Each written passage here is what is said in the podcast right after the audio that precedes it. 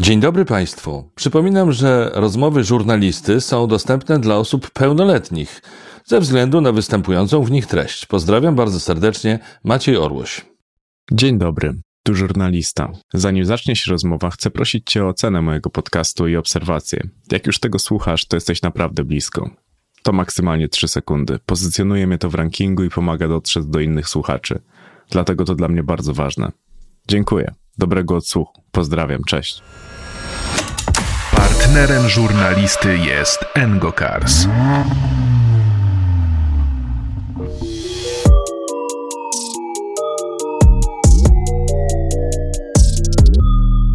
Powiedziałeś, że Doda zrobiła program, w którym mm. szuka męża, to że chciałbyś wziąć udział. Znaczy wiesz, to było tak pół żartem. Naprawdę? Jakby, ja znaczy, że byś poważny. Znaczy nie, no, znaczy jak dostanę zaproszenie, to z chęcią e, mógłbym wziąć udział, ale to wiesz, to było tak rzucone pół żartem, bo jakby gdzieś tam ten temat wałkuje się tego, że jestem singlem mm. jedynym w kadrze i, i on jest taki wałkowany i czasami zada, zada mi jakiś redaktor pytanie, no to wiesz, staram się nie zawsze podać nie, nie mam dziewczyny, mm. tylko gdzieś tam jakoś wtrącić i akurat obserwowałem TikToka w ten dzień i patrzę, że Doda wypuściła tam ten program, mm -hmm. ten 12 kroków do miłości i mówię, dobra, to tam zaczepię delikatnie. I mówię, dobra, to może wezmę, wezmę udział, nie? No i tak jakoś wyszło. Czyli dzisiaj u, u mnie Tomek Fornal, jedyny singiel w kadrze. Tak, jedyny singiel, no. Co z tymi chłopakami jest nie tak? Ze mną? Nie, nie, z nimi. nie wiem, jakby z nimi oni znaleźli. Znaczy, wydaje mi się, że większość też chłopaków jest już od czasów szkolnych ze -hmm. swoimi partnerkami. Tak przynajmniej gdzieś, e, czy, czy to Bartek Kurek, czy, czy no Bartek to może nie jest jakiś duży, dobry przykład, ale już jest długo za nią i większość chłopaków gdzieś tam się w liceum czy w szkole poznawało. No tak. To A ja jak byłem w Spale przez trzy lata w lesie, to taka szkoła, no, wiem, że wiem. siedzisz w lesie i tak naprawdę nie masz za dużej styczności z dziewczynami, ani żadnych takich powiedzmy kontaktów z płcią przeciwną, no to mhm. potem radą i tak jakoś jeszcze się nie trafiła. Mi się podoba to, co ty mówisz, że miło mi słyszeć, że dziewczyny chcą przychodzić na sport, nieważne czy oglądają mecz, czy patrzą się na zawodników. jakby fajnie, że są, nie? Kibice. Y, I, i jakby... Na pewno sądzę, że część dziewczyn, które, które przychodzi gdzieś tam na. na zaczęliśmy od ciężkiego tematu. Znaczy ciężkiego. Nie, nie, to jest najlżejszy. To jest najlżejszy temat. No dobra. Znaczy nie, no na pewno jest. Czy kibic przychodzi dla meczu? Wydaje mi się, że większość tak, że gdzieś tam lubią te emocje. Jeżeli mm -hmm. na przykład chodzi o reprezentację, bo teraz co się działo w, w Spodku i w Gliwicach, to są takie to są takie marzenia z dzieciństwa, żeby grać na tym parkiecie, mm. żeby tam prezentować umiejętności. Wiesz, hymn śpiewa 13 tysięcy, 14 tysięcy osób, no to, to masz ciary, stoisz na środku i ty masz za chwilę wyjść i grać. A ludzie, wiesz, no normalnie jest ogień totalny mm. na meczach reprezentacji i wydaje mi się, że część osób przychodzi dla atmosfery, dla tej otoczki, dla tego wszystkiego związanego z siatkówką i jakby z emocjami. Na pewno jakieś dziewczyny częściej czym przychodzi, żeby ze zawodników poglądać. Myślisz, że gdybyś został, nie wiem, przy koszykówce albo przy piłce, też mógłbyś osiągnąć taki sukces jak w siatkówce? Zastanawiałem się kiedyś na przykład e, nad tym, czy jeżeli bym trenował kosza e, i był w takim samym etapie na przykład swojej kariery, jak teraz jestem w siatkówce, mm -hmm. czy jakbyśmy na przykład no, przyłożyli na kosza, to byłbym w stanie na przykład dostać się do jakiejś dobrej ligi. Typu na przykład NBA. No, jest, to, jest to sobie ciekawe, ale nie wiem. A miałeś predyspozycję? Byłeś dobry w każdy sport? Bo są, ta, są takie dzieciaki, które po prostu mhm. czego się nie dotkną, są w tym dobre. Wydaje mi się, że jakieś tam predyspozycje ogólnie do sportu, jak mówisz. Mm, w piłkę nożną grałem, to gdzieś tam zawsze brali mnie do tych starszych roczników, mhm. gdzieś w podstawówce i, i zawsze z tymi starszymi grałem. Pojechałem, byliśmy z bratem poszliśmy na kosza, to od razu nas wzięli do starszego rocznika, nie do jego, mhm. bo wiesz, byłem dosyć wysoki, w miarę taki... Trudno zauważyć. Taki w miarę nieźle zbudowany, no to gdzieś tam fizycznie z tymi rówieśnikami moimi mhm. w kosza, no to tam gdzieś trenerka zawsze mówiła, nie no spokojnie Tomek, tak nie możesz agresywnie. Więc wydaje mi się, że może jakieś predyspozycje były, ale zostałem przy siatkówce, chyba największej mierze ze względu chyba na to, że gdzieś te rodzina, nie? Mm, Czyli tata, tata grał i gdzieś tam te historie, które opowiadał i tak to zostało, że zostałem przy siatkówce. No i też chyba szybko podjąłeś tą decyzję, bo gdzieś znalazłem informację, że już w piątej klasie trochę wiedziałeś, że będziesz grał tylko w siatkówkę. Mm -hmm. Był taki moment, e, był taki moment jeden, nie wiem, nie pamiętam, w której to było klasie, ale jakoś właśnie w podstawce, piąta albo szósta klasa, że nie chciałem już być jakby zdecydowałem się, że chcę siatkówkę i Mhm. trenowałem tylko siatkówkę. Przez jakiś okres trenowałem, ale potem stwierdziłem, że nie, nie chcę siatkówki. Bo ja nie byłem jakimś powiedzmy grzecznym uczniem w szkole. Co ty? No, znaczy, no, nie byłem jakiś taki, nie mówię, że byłem jakimś, wiesz, bandziorem i wszystkim dokuczałem, ale no ja byłem, dużo mnie zawsze było, tam Mhm. gdzie coś się działo, to nie, nie mówię, że zawsze ja robiłem, ale zawsze ja tam byłem. No i był taki jeden moment, że podstawówce pokłócił, no wiesz, pokłóciłeś się z trenerem w podstawówce, jak byłeś dzieciakiem, no to i zostałeś wrócony z treningu i stwierdziłem, nie, ja nie chcę tego, to nie dla mnie, to nie, to nie chcę tego sportu. Wróciłem, nie trenowałem 3-4 dni i tak w sumie była trochę cisza w mieszkaniu, gdzieś tam z, w domu z tatą Mhm. nie gadałem o tym, ale po tych 3-4 dniach poszedłem, przeprosiłem trenera za zachowanie i wróciłem do treningu. Czyli potrafisz się przyznać do błędu, bo mnie zastanawiało, na ile właśnie taki temperament y, może przeszkadzać w sporcie. Teraz, teraz bardziej. Teraz jakby z czasem, kiedy gdzieś tam się w jakiś sposób starzeję, dojrzewam, potrafię się przyznać do błędu i wiem, kiedy jakby ja przegiąłem, Mhm. a kiedy, kiedy nie. Przynajmniej tak mi się wydaje. Kiedyś to nie było takie łatwe. Kiedyś naprawdę musiałem tak mocno przeskrobać, żeby, wiesz, tak twardo, twardo powiedzieć sobie, że no nie, to nie moja wina, to nie moja wina. I dopiero w pewnym momencie mówię, no, dobra, przegiąłem. A to Tak. przyszło z czasem. Tak. Samoistnie, czy Tak. ktoś ci pomógł? Nie wiem. Samoistnie chyba. Ale to też przez to było, że byłeś najlepszy, w jaki, no bo miałeś predyspozycję, Mhm. byłeś starszy, w Wiesz, starszych... no, jak, wiesz jak to jest, jesteś gdzieś tam w Krakowie, w gimnazjum czy w podstawówce, masz z jedną osobę taką powiedzmy pokroju tych chłopaków, którzy teraz są w kadrze, nie? Mhm. Typu ja, ja nie wiem, Bartek Kurek, Kochanowski, no i zawsze są tym najlepszym sportowo uczniem w szkole. Mhm. No i wiesz, że pewnie myślałem sobie, że to, co, kto, co, kto ja jestem, jestem najlepszy. No tak No. zawsze jest, no. I wydaje mi się, że jakby e, im szybciej to zrozumiesz, że jednak czasami popełniasz błędy, tak jak ja pewnie w tamtym czasie Mhm. czasami się zdarzyło, tym, tym lepiej. A to I- tata gasił to? No bo Mm, tata był sportowcem, tak. grał też w kadrze, no to mógł y, widzieć takie zachowania, które na pewno też mogły przydarzać się jemu. Ale mm, jakby to głównie się działo nie, nie w domu, tylko gdzieś tam, wiesz, na treningach, nie? Mhm. Wiedząc, że jestem, ja to jestem gwiazda szkoły i jestem najlepszy w roczniku, pewnych rzeczy tata nie widzi. Okej. Bo Mówili mu na pewno trenerzy i na pewno w jakichś momentach mi zwracał na to uwagę, Mhm. że nie możesz się tak zachowywać czy coś. E, Ja nie chcę mówić, że to też było, wiesz, notorycznie dzień w dzień ja się tak zachowywałem, tylko po prostu były czasami takie odklejki. No nic dziwnego, no też w takim okresie dorastania, kiedy dostaniesz taką trochę powiedzmy władzę, bo to na tej zasadzie można traktować, że jesteś najlepszy, wiesz, że idziesz w dobrym kierunku, no to jednak można się i rozleniwić. A to właśnie możesz się szybko zgubić w tym, Mm. nie? Bo jak sobie za szybko pomyślisz w młodym wieku, nie wiem, w gimnazjalnych Mhm. czasach, że jesteś, e, jestem najlepszy, zostałem, nie wiem, MVP województwa małopolskiego w turnieju, no to już jest, nie, no to ja już mam ka- karierę zapewnioną, a to jest MVP wojewódzkich, wtedy to było, nie, no jestem najlepszy w Polsce, a teraz to No tak naprawdę z perspektywy czasu to nic nie znaczyło w, jakby w młodzieżowych rozgrywkach. No to jest chyba też taki moment, w którym najwięcej osób się poddaje właśnie, bo głowa nie dźwiga, bo pojawiają się dziewczyny, imprezy i to, to jednak jest trochę za dużo. Najważniejszy wydaje mi się moment, który zadecydował o tym, że to już będzie, przynajmniej postaram się, żeby Mhm. to była taka moja kariera i sposób na życie, no to jak zaczęło się liceum. Kiedy było Mhm. przejście z gimnazjum do liceum, do tego lasu w Spale,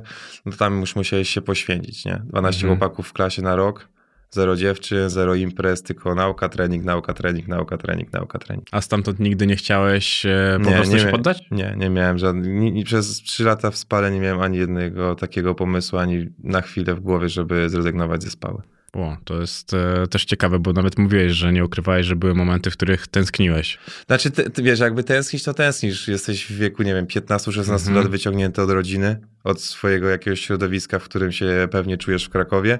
Jedziesz tak naprawdę do lasu, który jakby jakby my, to jest taka w gimnazjum, kończysz gimnazjum, teraz, teraz nie kończysz, bo nie ma gimnazjum, ale wtedy to było tak, że kończysz gimnazjum i to była taka mekka siatkarska. Każdy tam się chciał dostać. Mhm. Wybierają tylko 12 z danego rocznika, ale ty chciałeś tam się dostać, żeby tam pójść, bo wiedziałeś, że tam jest najlepszy sztab szkoleniowy, najlepiej ci przygotują pod seniorskie Mhm. policeum granie. I jakby wydaje mi się, że byłeś w stanie się poświęcić. Przynajmniej ci, co się poświęcili, mają z tego jakieś korzyści, bo bardzo dużo zawodników potem gdzieś kończy w tej Mhm. plus lidze albo powiedzmy są w stanie sobie zapewnić w jakiś sposób byt po spale. No bo mnie to też zastanawiało, czy kiedy poczułeś, że okej, ja na pewno będę zawodowcem. E, w, pierwszy, pierwszym roku w Radomiu, bo Mhm. nawet jak przejdziesz i powiedzmy tak jak my w moim roczniku, pewnie przygotowując się do tego podcastu, Tak, ja, wszystko wiem już po teraz. prostu wiesz, że jakby wygraliśmy pewnie w młodzieżowej siatkówce tak, tak, wszystko, tak. tylko jakby młodzieżowa siatkówka, seniorska to są całkiem No tak inne y, rzeczy. każdy sport To chyba jest- młodzieżowy. To jest, to w ogóle nie da się tego porównać i wtedy moglibyśmy, mogliśmy i byliśmy najlepsi, a rzeczywista, jakby rzeczywistość mogła być dla nas bardzo brutalna, jakby kończąc spałę mogliśmy iść do klubu, zagrać dwa słabsze mecze i wiesz, jak tutaj tam już jest, to już nie jest liceum, gdzie Mhm. tak naprawdę nie masz żadnego kontraktu, pensji, no, nie, nie płacą ci tam, a kończysz spałę, idziesz po liceum do klubu, podpisujesz kontrakt, tam są sponsorzy, którzy wymagają od ciebie dobrego poziomu, za to Mhm. płacą. Masz 19 lat, wiesz, pierwsze pieniądze wynajmujesz i to też jest trochę zgubne. No właśnie. Jakby i w tamtym momencie ja, wydaje mi się, że tutaj dużo mój tata też pomógł, nie? Że jakby nakierował mnie, że to nie jest, to nie jest, to nie jest czas na imprezy.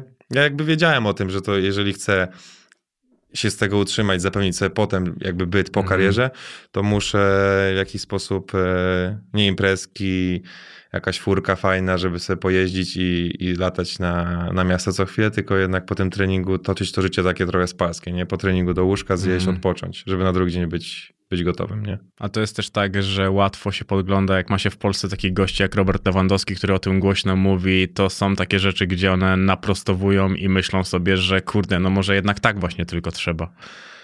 Eee, To jest najlepsza droga, bo jakby... Tylko mm, najwięcej ma wyrzeczeń po drodze. jakby no, musisz w jakiś sposób.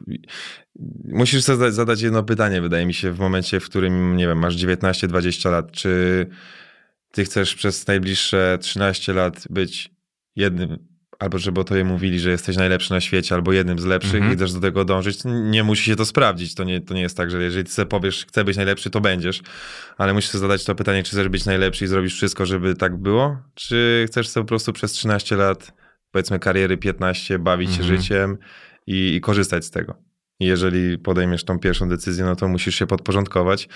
Ale sądzę, że są też zawodnicy tacy, i to nie tylko w siatkówce, ale jakby w innych dyscyplinach, którzy po prostu bawią się życiem i przez tą karierę nie są może w 100%. Ja też nie mówię, że ja nie pójdę na imprezę, czy wiesz, czy się nie spotkam z kimś na kolację, czy coś, Mhm. bo to nie chodzi o to, że ja mam, nie wiem, klapki na oczach i wiesz, trening, trening, trening. Wszystko jest za ludzi, nie? I jeżeli, nie wiem, w sobotę gramy mecz i w niedzielę mam wolę, to zdarzy się pójść na imprezę, to jest normalna rzecz. No ale nie tak, żeby 7 razy w tygodniu być na imprezie, nie? I mieć kartę VIP i lożę cały czas zarezerwowaną. Nie te zarobki, to piłkarze tylko tak mogą sobie pozwolić. Nie no, powiem ci, że nie ma co narzekać Nie, na nie, zarobki. też się z, z zarobków też Do się zarobku przygotowałem. dojdziemy? Tak, Dobra. też się przygotowałem, Dobra. bo to jest bardzo ciekawy wątek. A jak się świętuje taki sukces jak wasz ostatni, bo Robert Gawliński teraz u mnie był, to mówił, że Mhm. jego kumpli zabrała heroida. Nie, nie, to aż tak to nie. Jakby nie, nie. E, po pierwsze mamy testy. No E, nie, to przecież antydopingowe. jakbyś powiedział, że heroidą się bawicie, no to nie, nie no nie. nie, no wciągamy trochę koksu. nie, nie, jakby mamy... Dostał kurek z kurkiem. Tak, tak, tak. I potem wychodzimy i tylko białe nosy. Nie, jakby po pierwsze sądzę, że no to już jest taki mocny temat bardzo, nie? Żeby, żeby coś takiego było gdzieś tam w jakimś... Ja w ogóle nie, nie wiem, czy sport... Nie znam chyba żadnego sportowca, który by jakieś tam narkotyki brał, nie? Po zwycięstwie, czy jakoś tak świętował. Raczej klasycznie, wiesz, spotkaliśmy się, wszyscy zabrali żony, małżonki, ja poszedłem sam, na górę mieliśmy taką salkę przygotowaną, no to coś zjedliśmy, piwko, może jakiś grubszy alkohol się pojawił, no i trochę poświętowaliśmy, nie? Ale Kac był. Był. No. Nie mówię, że nie, no wiesz, nie będę. Wszystko No nie, no bo jakbyś- dla ludzi. Je, skończyliśmy. Ja, ja poszedłem do pokoju koło 5.30. Wiesz, rano stałem, ale byłem normalnie na konferencji, świeżutki. Także Na tyle, ile się dało. na tyle, ile się dało. A tak już e, kompletnie e, poważnie, to po zakończeniu meczu pomyślałeś Mhm. o dziadku? Bo jednak to jest taka osoba, która się przewija u ciebie i to jest, był, był, byłby dumny. O tak. No, żałuję na pewno, że nie dożył jakby tych momentów, żeby widzieć tego, to co się teraz dzieje wokół Mhm. powiedzmy siatkówki, tu gdzie grałem, w jakim klubie, w reprezentacji. Bo to był taki, wydaje mi się, poza mamą, tatą, no wiadomo, najbliższym, to, to Mhm. taka, taki największy fan też, nie? Zawsze za, za czasów tych e, młodzieżowych, młodzieżowych e, rozgrywek, no to wiesz, wspierał, kibicował i sądzę, że teraz jakby miał okazję przyjechać na, taką, na taki mecz do spotka, gdzie 13 tysięcy osób śpiewa hymn, to niesamowitą frajdę wymiał z tego. Mm, no, No. też mi się wydaje w taki sposób, jak ty nawet o tym mówiłeś, że on był taką osobą, która naprawdę w ciebie wierzyła. Tak, tak, tak, tak. We mnie i w brata, no. Gdzieś tam e, jest, mama mi kiedyś tą historię opowiadała, że każdy myślał, że ja jako, z, e, jako że jestem młodszym, młodszym z Mhm. rodzeństwa, no to wiesz, ja byłem bardzo długo mały. Mhm. Ja tak naprawdę, znaczy mały bardzo długo. E, Jeżeli med, nie wiem, 85 to jest, to jest, to jest mały, no to do siatkówki to jest w miarę mały wzrost. Okej. Ale wiesz, czasów podstawówki ja tam gdzieś w okolicach drugiej, trzeciej gimnazjum nagle wystrzeliłem. Okej. I urosłem i wszyscy mówili, że ja nie będę jakby wysoki i jakby w siatkówce, wiesz, no taką 98 to przydałoby się mieć, że nikt mi tam jakoś nie wróżył wielkiej kariery Mhm. ze względu na to, że byłem dosyć mały. A dziadek e, już A wtedy. dziadek wierzył, dziadek wiedział. Ale to, Może to taka przepowiednia, wiesz. Mm, Oby, bo z tego co czytałem, no to ta przepowiednia i zmierza w dobrym kierunku, może w taki sposób to miał. Ale to co, spędzaliście ze sobą dużo czasu? Jak wy, wy, wywiązała się taka więź? E, My bardzo często za czasów z moim bratem, za czasów e, młodości jeździliśmy do jednej babci, no i do, do, babci z dziadkiem. Mhm. I można powiedzieć, że bardzo często weekendy spędzaliśmy tak, że babci z dziadkiem byliśmy, dom jednorodzinny mieli, wiesz, ogródek, Mhm. bo my mieszkaliśmy z rodzicami, można powiedzieć, na Czyżynach w Krakowie i no to tam, wiesz, w mieszkaniu, jak to w mieszkaniu, jechałeś do babci, do dziadka, ogródek, mogłeś biegać, bawić się, jakieś stare pudełka, pamiętam, że dziadek y, po, po lekach czy z babcią trzymali tak, że się bawiliśmy w jakąś aptekę i Mhm. wiesz, no i du- przez to się taka więź wytworzyła, nie? Z babcią i z dziadkiem. Mhm. Ale też e, dorastanie w takim domu, bo tata jeszcze jak ty byłeś mały, to tata był aktywnym sportowcem?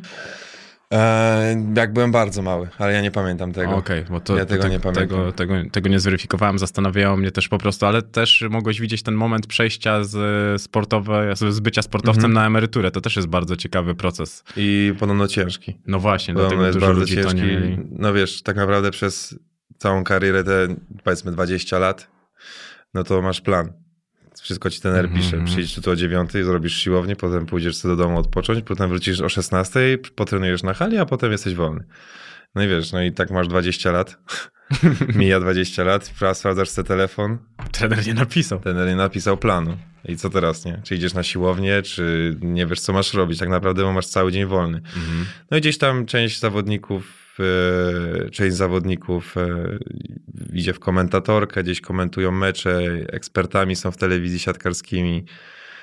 Część, a część no gdzieś tam stara się odnaleźć siebie, nie? Mój Mhm. ojciec akurat miał o tyle dobrze, że otworzył firmę e, i, i gdzieś tam ona dobrze prosperuje i przez to wszystkie gdzieś tam pieniądze, które wtedy, w tamtych czasach nie były olbrzymie, jeżeli chodzi o siatkówkę, Mhm. inwestował w firmę, no i teraz jakby miał od razu po karierze zajęcia.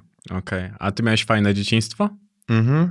Wydaje mi się i, i, i jakby jeżeli sobie tak wrócę do pamięcią do tego dzieciństwa, to, to tak. Na pewno nie miałem dużo cza- czasu wolnego, bo tak naprawdę wychodziłeś o 6 czy o powiedzmy 6.30 do, do szkoły. Mhm. Po szkole miałeś jeden trening, potem mama, bo to było u nas był taki podział, że mama opiekowała się nauką, a tata tą kwestią sportową. Mhm. Także miałeś normalnie lekcje, potem trening, potem jeszcze mama cię umawiała na dodatkową matematykę albo język angielski i tak Mhm. naprawdę wychodziłeś z domu o 6, wracałeś o 19. I może to nie było jakieś takie dzieciństwo, które było cały czas podwórko, zabawa z chłopakami, tylko gdzieś tam dużo było tych, tych poświęceń już w tamtych czasach. Ale ja tam bardzo, bardzo pozytywnie i fajnie wspominam. Czyli Czas- też było tak ciasno, żeby zabłądzić. No, troszkę tak. To Mogłeś- to mogło mogłeś- uratować. Tak, tak, no. Jakby nie było czasu na jakieś głupoty, bo wiesz, gimnazjum to jest taki wiek, gdzie są jakieś pierwsze imprezy, e, wtedy się jakiś, nie wiem, pierwszego piwa gdzieś po kryjomu napijesz za, za sklepem, czy coś Mhm. takiego. No to jest taki wiek, powiedzmy, ten buntowniczy, który gdzieś tam próbujesz pierwszy raz tych wszystkich rzeczy, a ja za bardzo na to czasu nie miałem, bo wiesz, trening, potem z treningu szybko, szybko jechałem na, na lekcję.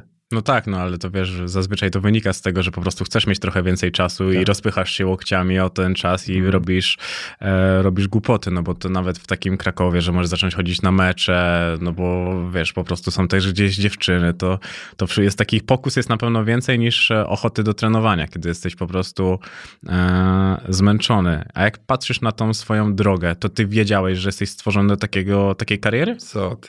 Tego nie wiesz, jakby nie jesteś w stanie tego określić nie jesteś w stanie określić, co się jest twoje, jest tyle niewiadomych, które mogą się, mogą się w tej mhm. ścieżce twojej kariery pod, jakby pojawić, nie wiem, kontuzja. To jest taka najprostsza rzecz, która zazwyczaj e, jakby eliminuje cię powiedzmy w momencie, kiedy ją łapiesz z jakiegokolwiek czynności mhm. sportowych. No bo coś się stanie i tak naprawdę nie możesz planować sobie, że a ja będę tu, potem pójdę tam, potem tam, no ale dobra, ale nie wiem, jutro się obudzisz, pójdziesz na trening i coś ci się stanie i tak naprawdę cały plan, który sobie ułożyłeś w głowie na następne lata musisz anulować. Mhm. Więc jakby nigdy tego nie wiesz. No, ale musisz... możesz mieć taki luz, że robisz to z taką przyjemnością i nawet nie chodzi o to, żeby łechtać siebie tak. i tylko po prostu myśleć sobie, nie no, jestem do tego stworzony. Jakby widać, na pewno widać i to się mówi o tym talencie u sportowców, mhm. który mają, że jakby jesteś do danych rzeczy w jakiś sposób, nie wiem, nie no, ten gościu się urodził, żeby grać siatkówkę, no ma idealne ruchy, idealnie się porusza, wszystko robi super. No tylko są rzeczy, na które, na które nie masz wpływu. Możesz mhm. mieć talent, ale możesz też mieć, nie wiem, bardzo słabe ciało, które się często często łapie kontuzje i które cię wykluczają. Więc albo możesz taka, nie mieć głowy po prostu. Albo możesz nie mieć głowy, a byli też tacy zawodnicy i to pewnie nie tylko w siatkówce, którzy nie wytrzymywali w jakiś sposób presji, stresu meczowego, czy wiesz, czasami masz tak naprawdę, wchodząc do ligi, możesz mieć dwa, trzy spotkania, mhm. w których trener powie, dobra, ty wychodzisz i wiesz, to jest stres, bo musisz się dobrze zaprezentować, mhm. pierwszy mecz, więc nie wiem, jak ci, jak ci nie zje stres, się dobrze zaprezentujesz, to potem Dobra, ten gościu potrafi grać, musimy na niego stawiać. No i dostajesz te szanse i w jakiś sposób wyrabiasz to nazwisko. A może być tak, że ten ci weźmie, wrzuci do składu, zagrasz dwa, trzy, cztery mecze słabe i no sorry, my chcemy wygrywać. No ale to dlatego ten twój wybór był bardzo dobry, bo powiedziałeś, że pierwsze co zwracałeś uwagę na to, żeby wybierałeś drużynę wobec tego, kto jest e, jej trenerem, a ty zawsze sobie radziłeś dobrze z presją?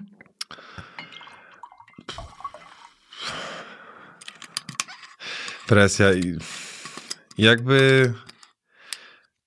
Nie wiem, jakby nie, nigdy nie miałem problemu z jakimś nadmiernym stresowaniem się czy myśleniem o, o, o meczach. Wiesz, mm. że siedzę na przykład przed meczem w mieszkaniu i mówię, Jezus, nie wiem, co się stanie. Mm. Jakby nigdy nie było tak, że stres mnie paraliżował, że wychodziłem na parkiet i po prostu nie wiedziałem, co się dzieje raz miałem coś takiego, że ale to po prostu było COVID chyba, że wiesz, wróciłem po COVIDzie, tak naprawdę to był ten pierwszy, pierwsze przejście, które miałem i wtedy jeszcze nie było tych szczepionek, bo wydaje mi się, że ogólnie one gdzieś tam te przejście COVID-a trochę łagodzą.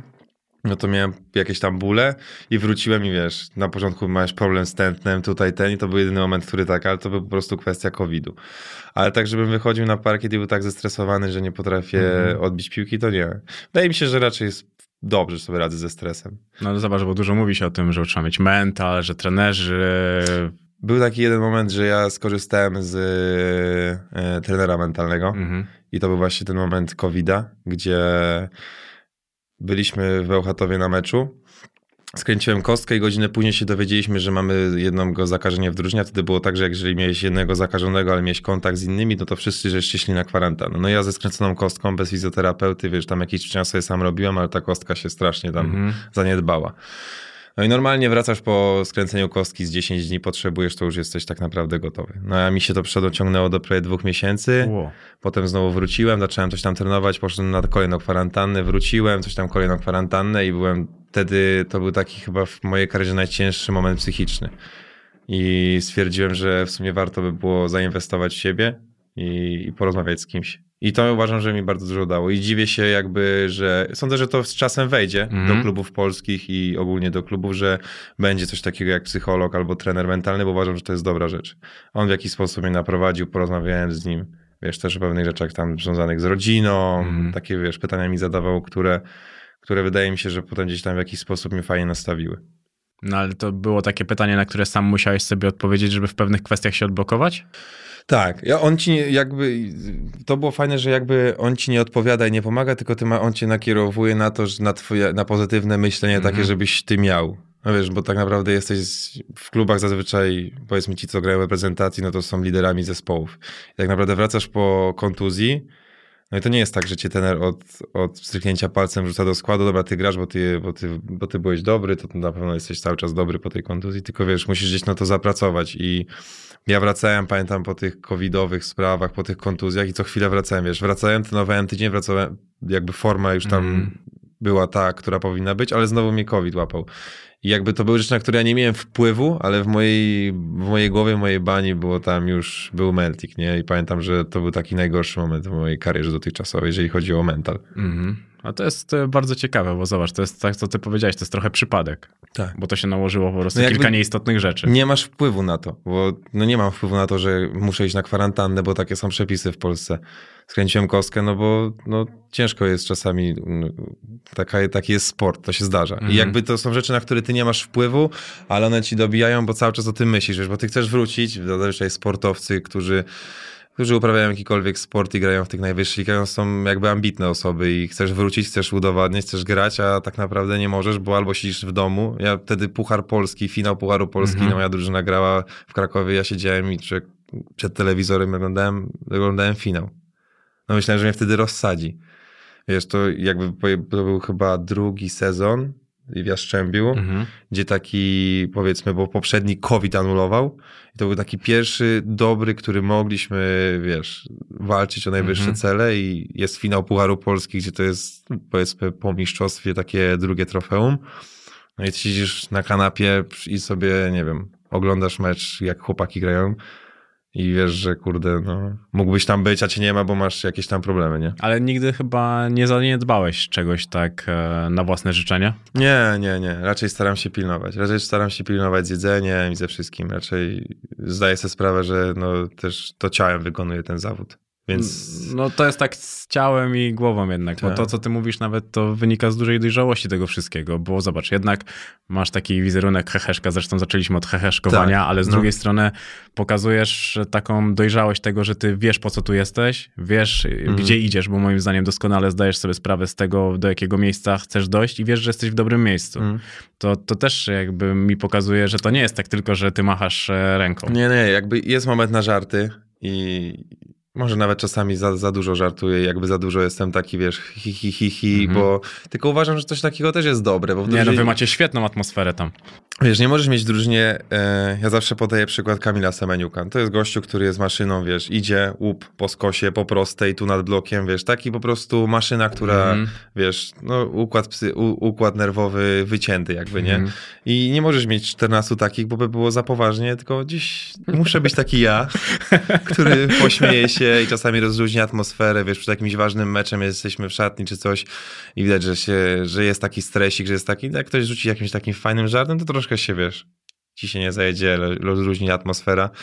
Ale są też momenty, wiesz, w których musisz być poważny, nie? I tam mm. ten uważam moment tych wszystkich perturbacji, to był moment, w którym trzeba było być poważnym. Siatkówka istnieje w twoim życiu poza siatkówką, poza treningami, poza meczami? Nie, staram się omijać. Nie oglądam za dużo spotkań, nie, nie obserwuję innych lig. Mam na tyle tego jakby na treningach i gdzieś tam jedyne co robię to czasami, czasami oglądam mecz, mhm. bardzo rzadko, ale oglądam. No i swoją grę jakby poanalizuję poproszę statystyka, że mi wysłał i to są jedne rzeczy, które gdzieś tam powiedzmy robię po, po treningu. No też powiedziałeś, że wolałbyś, żeby było jeszcze więcej spotkań zamiast trenowania. Tak, tak. że jak w NBA. Ta. Że... Ja, bym mógł grać, ja bym mógł grać spotkania co dwa dni. Najgorszym, najgorszym rzeczą, jeżeli chodzi o dużą ilość spotkań, to są podróże. Wiesz, jakby jesteś jeździć po tej Polsce, jakby na przykład, jakbyśmy grali wszystkie mecze u siebie w lidze, to ja bym mógł grać z 60-70 spotkań w sezonie. Nie miałbym z tym żadnego problemu. Co dwa dni mógłbym walić. Poniedziałek, środa, sobota, wtorek i cały czas takim nogiem. Tylko wiesz, najgorsze są podróże. Na przykład masz mecz w Suwałkach z Jastrzębia. Mm. No to jedziesz spod Czech na drugi koniec Polski. No, no, i ta podróż, najbardziej to podróż cię męczy. To, no nic dziwnego. No, u mnie był Marcin Gortat i fajnie opowiadał o tym, jak już nie pamiętam, w której drużynie wtedy grał, ale był, był małolatem, więc to był, musiał być początek e, tego, jak e, przylecieli samolotem tam e, do Los Angeles. No i on wychodzi oczywiście tam do hotelu, bo tam bus stał, żeby ich zabrać, a tam od razu siedem czy osiem innych samolotów, bo ci ludzie po prostu mm. lecieli dalej, bo no. mieli dzień wolnego czy dwa tak. dni wolnego od trenera i tam był właśnie tylko od meczu do meczu. No i co tam w ogóle tam w NBA to... tam stracili kontakt z bazą. Latają sobie prywatnymi jetami. Nie, no to jest jakby, to jest inny level w ogóle jakby sportu, wydaje mi się ogólnie e, NBA i te amerykańskie, mm -hmm. amerykański dream. No, tych wszystkich jest... lig to jest, to jest w ogóle inny kosmos, nawet nie jeżeli chodzi o finanse, ale za zaplecze, nie wiem, fizjoterapię i to wszystko, to, to oni są prekursorami wszystkiego, mi się wydaje też mam takie wrażenie, no zresztą piłka nożna też chciała zrobić coś takiego, nie? Na koniec końców, żeby była ta jedna liga. Ja, tak... ja, ja, sądzę, a propos, a propos lig, tam piłka nożna teraz się w jakiś sposób rozwija, ale sądzę, że jeżeli otworzą ligę siatkarską w USA, to nie jeden zawodnik będzie tam chciał pójść grać. Jestem przekonany o tym. To... Bo miejsce, ja sam jakby sobie myślę, jakby otworzyli ligę i na przykład, nie wiem, grałbyś sobie w LA, siatkóweczkę, mm. idziesz po treningu, dobra, idę na plażę. No idziesz, idziesz sobie, kładziesz sobie leżaczek, ręczniczek, na plaży leżysz po treningu. Sądzę, że tam jak, od, jak otworzą, o ile otworzą, mm -hmm. mam nadzieję, że do końca ja mojej myślę, kariery tak. otworzą, to tam nie jeden zawodnik z Europy będzie chciał pójść grać. Ale to jest tak, mówisz, że do końca twojej kariery to nie ma jeszcze takiego bardzo określonego planu na to? Gdzieś tam się to tym mówiło. Ja miałem w Radomiu amerykańskiego libero, który mówił, że za 2-3 lata już będzie liga, no a minęło chyba z 4 i nie ma. Może z lekkim Jakby wiesz, masz tyle tam sportów typu koszykówka, futbol, ten wiesz, futbol, mm -hmm. futbolich. E, soccer. Soccer. Masz teraz który, który, który jeszcze doszedł, także jest tych sportów tam naprawdę dużo i czy oni potrzebują siatkówkę? Pewnie jak będą chcieli, bo ich się znudzi. Oni nie, oni nie muszą e, czegoś mieć, żeby tego potrzebować. Tak, to jest druga jak, sprawa. Jak, jak oni będą chcieli, dobra, robimy. To no. zrobią, ale póki takiego planu nie będzie, to Sądzę, że tam nic nie wystartuje. To chociaż, też jest niski chociaż próg bardzo, wejścia. Bardzo dziwne jest, znaczy dziwne, bardzo mają pewnie dobrą szkółkę akademicką, bo w reprezentacji, są pomimo mocni. tego, że nie mają ligi, to są naprawdę mocni. No. I oni zawsze gdzieś tam w reprezentacji bardzo dobrze grają. No, no i bo... ci Amerykanie wyjeżdżają do Europy, grają gdzieś po Włoszech, w Polsce. To są całkiem dobre miejsca do grania, z tak. tego co sprawdziłem. Włochy i Polska. No był jakiś czas Rosja. temu, był jakiś czas temu jeszcze jeden kraj, ale teraz sądzę, że tam nikt nie pójdzie za bardzo. A to w siatkówce też jest to dość mocno respektowane, jeżeli chodzi e, o Rosję? Mm, są zawodnicy, którzy chodzą i, i jadą tam grać. Mhm. I tylko nie, no jakby nawet nie chodzi o samą opinię publiczną, jakby jeżeli chodzi na przykład o moją osobę. -hmm. to mhm. nie chodzi o to, że ja bym się e, przejmował opinią publiczną. Ja po prostu nie chcę iść tam grać, bo dla mnie to, co się dzieje, to jest w ogóle chore i tam jakby mam iść grać do kraju, w który coś takiego robi, mhm. no to jest dla mnie nieporozumienie. Ale są zawodnicy, którzy wiesz, idą, bo no jest tam dobra kasa. No też wiadomo, ciężko postawić się w ich skórze, bo może być tak, że ktoś kończy niedługo karierę, dostaje kontrakt do życia tak, i koniec końców musi życia. myśleć o, o rodzinie. Wiesz, no rodzinie myśli o rodzinie i mówi, dobra, idę, ale Każda, no- nie, nie, ma tak, że sytuacje są jednoznaczne na pewno, tak. nie? I to jest na pewno e, też dużym, e, dużym tak jakby takim wyjściem do tej całej sytuacji. No to jest trudne, a rosyjscy siatkarze mogą grać w polskiej lidze? No bo na przykład żużlowcy nie mogą jeździć. Nawet z polskim obywatelstwem. Znaczy nie wiem, czy nie ma chyba zakazów. Zakazów jako tako nie ma, ale jakby oni głównie grają, bo u nich liga funkcjonuje. To nie jest tak, mhm. że u nich została liga zamknięta, czy... I w Lidze Mistrzów też grają? Nie. Oni są po Mistrzostwa Świata, które skończyliśmy wczoraj, przedwczoraj, mhm. miały być w Rosji. No to to wiem, to akurat wiem. I jakby zabrali im organizację, mm, Liga Mistrzów, no to oni są w ogóle wyautowani z Ligi Mistrzów. Jakby no wszystkie rzeczy, które są gdzieś tam poprzez rywalizację w Europie, no raczej inne kraje i gdzieś tam federacje się zbuntowały i jakby wcale mnie to nie dziwi mm -hmm. i mhm. oni są wyautowani. Oni swoją ligę rozgrywają, tam u siebie grają o mistrzostwo no, całkiem Rosji. naturalne. I to jest normalna rzecz, ale i tam ci rosyjscy zawodnicy zostali, nie? No okay. ale nie wiem, bo tak naprawdę jakby teraz rosyjski zawodnik chciał przyjść, sądzę, że to nie jest zakazane, ale nie wiem, czy jakiśkolwiek prezes by się odważył na taki ruch. No, Opinia by... publiczna raczej mogłaby nie zostawić za nim za dużo. No, żużlowcy mają być odblokowani, ale z polskim obywatelstwem e, od tego następnego sezonu. Nie od tego, co, bo ten już się kończy, a od tego, co teraz e, będzie, to właśnie ci z polskim obywatelstwem mają być e, odblokowani. Tylko, że jeżeli chodzi właśnie o to, jeszcze to gdzieś rosyjscy zawodnicy są cenieni też u siebie na pewno. Bo masz w każdym państwie, w każdym powiedzmy klubie też, no masz limit obcokrajowców, Mhm. który może być. I jak oni mają w Rosji chyba dwóch, no to wiesz, te najlepsze kluby chcą Mhm. wygrać, no to tych najlepszych ruskich zawodników jakby podkupują. No Mhm. i biorą, więc sądzę, że oni nie muszą się za bardzo do Europy ruszać, żeby zarobić dobre pieniądze. Dzisiaj jesteś już uznanym siatkarzem w naszym kraju? Mm, jakby nie. Znaczy, sądzę, że opinia jest taka, że, że jakby jeżeli wszedłbyś w komentarze, no to ludzie raczej, raczej, raczej chwalą, ale moim zdaniem ja jeszcze mam całkiem sporo do osiągnięcia. Całkiem sporo do zagrania i całkiem sporo do wygrania. Mhm. Także w mojej opinii ja jeszcze żadnym siatkarzem jakimś spełnionym albo obwieszonym medalami to nie jestem. To, to wiem, bo to, tak wiesz, ja tutaj akurat e, znalazłem artykuł, że ile zarabiają uznani siatkarze. No więc... to mów, ile masz tam? E, nie, no właśnie tak, nie tak dużo jak myślałem, że w naszym kraju od 180 do 240 tysięcy euro za rok. Prawda czy nie? Yy, uznani siatkarze? Mhm. A co to znaczy uznani? No to ja muszę się ciebie zapytać. Eee, jakby powiedzmy tak, e, żeby to jakoś e, uznani siatkarze, no to powiedzmy, że uznani siatkarze to są siatkarze, którzy grają w reprezentacji. Mhm. Są w kadrze, no to rzeczywiście są takie widełki. Od tej dolnej do Jeszcze wyżej niż jeszcze górna. wyżej niż górna. No też mi się tak wydaje, ale tak do 400 tysięcy za sezon? No. Zależy w jakim kraju. Nie, no nie, bo tutaj rozmawiam tylko o Polsce. O Polsce tylko rozmawiasz? No, Nie, to- no to tak powiedziałbym od 160 do 300. Okej, czyli tam około miliona złotych rocznie, tak? Tak. Pi razy No, e, czasami drzwi. troszkę więcej, niektórzy mają czasami troszkę mniej, ale jakby no możemy sobie zapełnić przyszłość. No tak, to, to wiesz, ja tak po prostu zastanawiało mnie to, bo to mnie bardzo ciekawiło, jeżeli chodzi o to, bo ten aspekt finansowy do popularności, do tego jak siatkówka jest ogólnie popularna i do Mhm. tego jak, na jakim jest poziomie, mm, to jest bardzo ciekawe, bo też jest, że ważni zawodnicy, ale bez statusu gwiazdy zarabiają miesięcznie około 30-40 tysięcy. Czyli tyle, ile początkujący siatkarz jest w stanie wyciągnąć rocznie. Początkujący siatkarz? Mhm. 30-40 miesięcznie? Nie ma szans. No właśnie też mi się wydawało, że jak dychę dostanie, to jest nieźle. No. Jakby jeżeli wchodzisz do ligi i masz, nie wiem, 19 lat jako początkujący siatkarz, to jeżeli podpiszesz kontrakt roczny za 400 tysięcy, to czapki z głów. Nie wiem, kto musi być twoim menadżerem. No chyba, że jesteś, nie wiem, młodym Wilfredo Reonem. Okej. I jesteś, nie wiem, niesamowitą gwiazdą już w wieku 19 lat, ale wydaje mi się, że jest to. Nadal to jest wręcz- trudne? Wiesz co, jest to wręcz niemożliwe. Znaczy, jest to do zrobienia, ale sądzę, że powiedzmy, ja w wieku 19 lat nie, nie wiem, jakiego musiałbym mieć menadżera, żebym takie pieniądze wynegocjował. Nie wiem, kto musiał być moim menadżerem, ale no to bardzo ciężkie. Okej, no bo tutaj jest, że we Włoszech na przykład pensje sięgają nawet miliona, za, miliona euro za sezon, ale często oscylują w granicach 400-600 tysięcy euro. No, we Włoszech, we Włoszech te topowe kluby, wydaje mi się, że takim gwiazdom, gwiazdom naprawdę dużo płacą.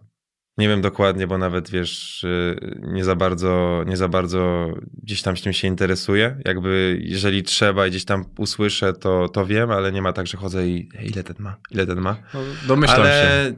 Topowe na pewno, na pewno gdzieś potrafią tyle zapłacić. Naprawdę potężne pieniądze. Może nie milion euro, Mhm. ale tak 600 to na pewno. Okej. 600-700 za sezon. Ale to już trzeba naprawdę To już nie, no musisz być top. kozakiem. To już nie ma tam, że początkujący. Ale no też kierunki są azjatyckie, nie? No, zdecydowanie. A tam to masz Przecież masz taki... kumpla, co w Japonii grał. Mam, mam, mam, mam. Ale e, no to już jest taki, wiesz, kierunek e, egzotyczny, można powiedzieć. Mhm. Tam jest je- jeden obcokrajowiec i on, wiesz, musi całą drużynę pociągnąć. 70 ataków w meczu.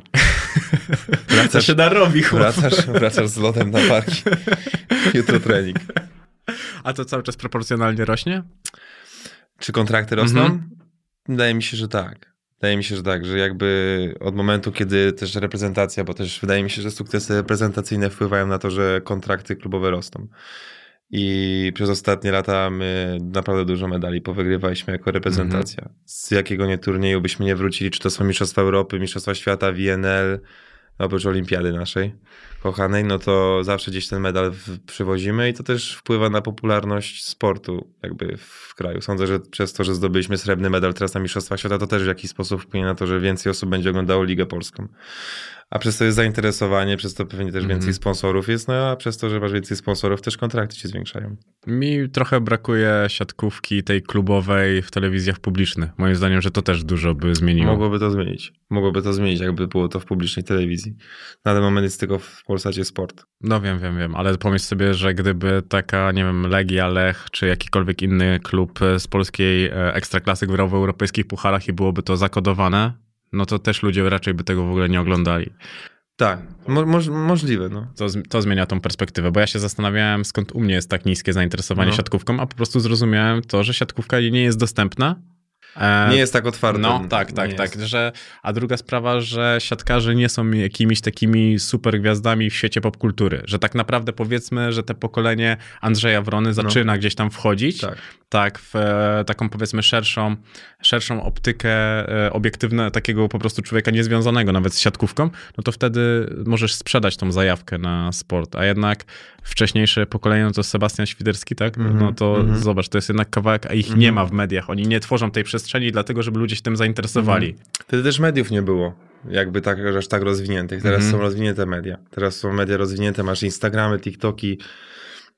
Przepraszam, mega dużo rzeczy, na które możesz publikować i wszystko, co tylko sobie chcesz opublikować. I my jako powiedzmy ten to młode pokolenie z tego korzystamy i dodajemy na Instagrama jakieś zdjęcia, publi- publikujemy TikToki, przez to też jakby jakaś popularność się tego sportu Mhm. zwiększa.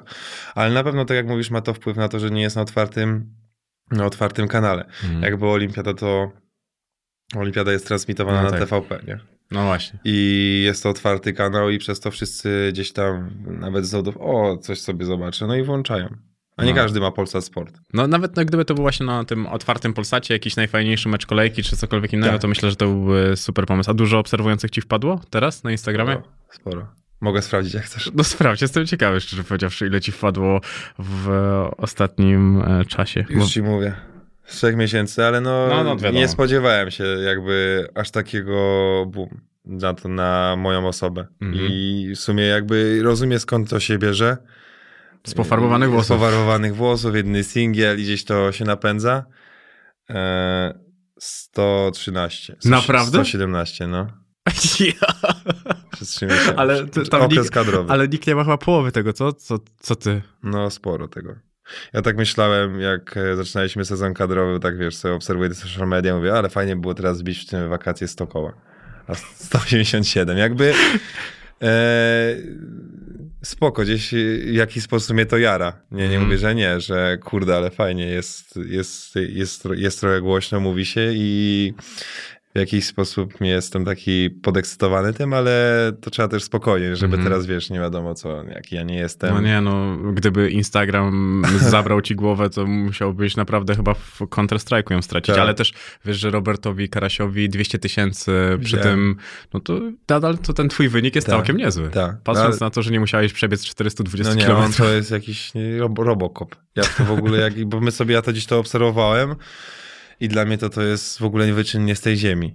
Jakby wiadomo, że tam powiedzmy, że mu się nie udało, bo miał, Mhm. e, to nie udało mu się, to ciężko powiedzieć, że mu się coś nie udało, jak tyle przebiegł, Ja- przejechał i przepłynął, ale no to jest szacun. Ja pokażę ci po rozmowie, bo ja z Robertem się całkiem nieźle kumpluję i pokażę ci po rozmowie to, co się działo przed, trzy tygodnie przed e, tym i Ja ja miał jakiś tam zabieg. Tak, robił. bardzo, bardzo poważny. On to mocno kwestionował, jeżeli chodzi o to, ale to naprawdę wyglądało bardzo źle, bardzo źle.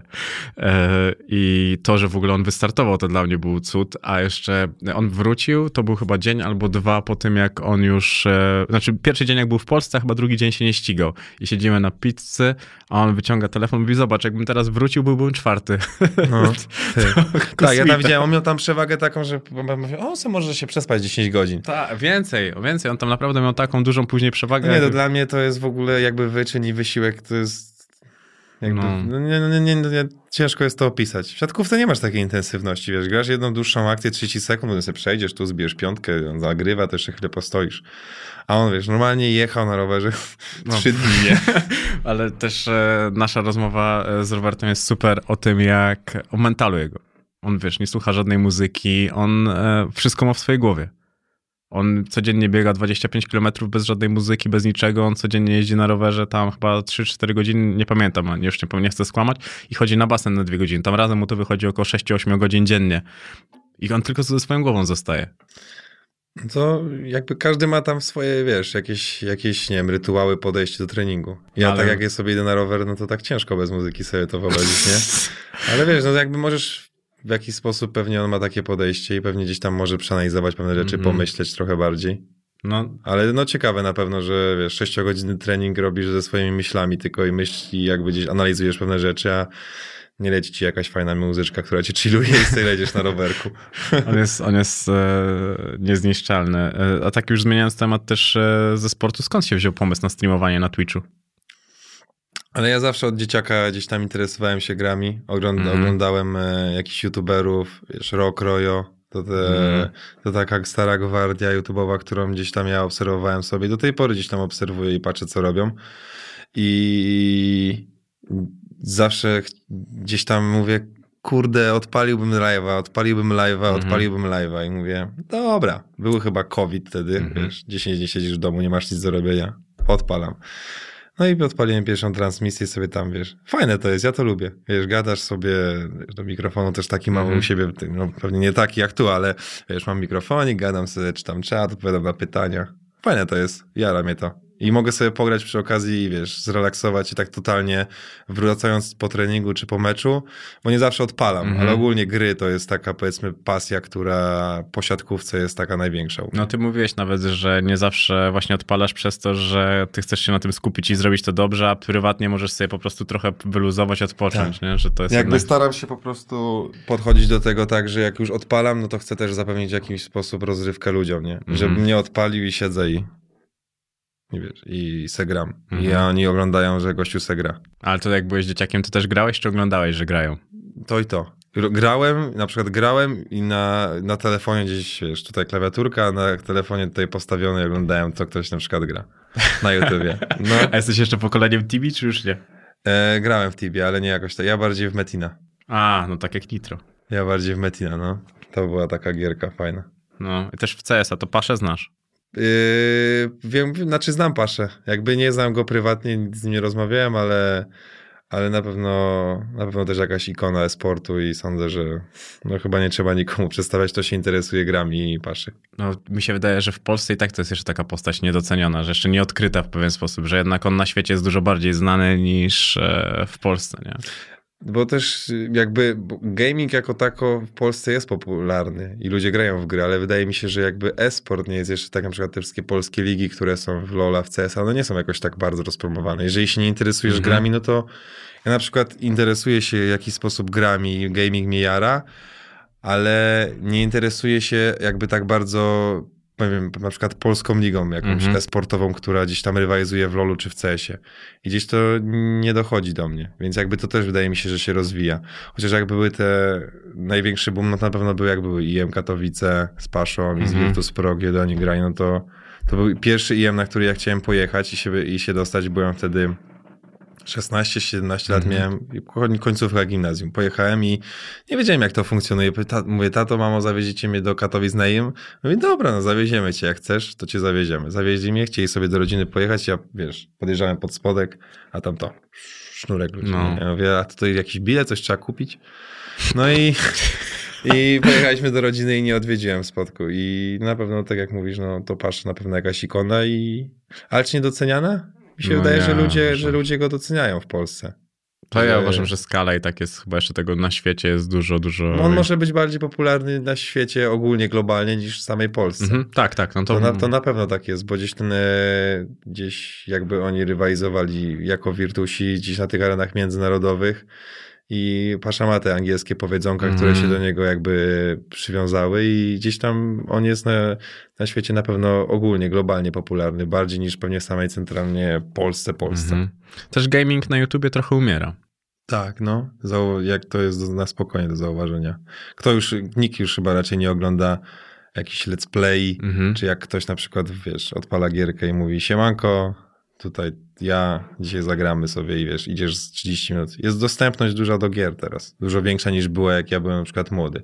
Musiałeś mieć dobry komputer, Mhm. żeby na przykład zagrać nową produkcję, która dopiero co wyszła, bo musiała ci pociągnąć te jakby wszystkie, wiesz, specyfikacje, tam te wszystkie No rzeczy, wiadomo. nie?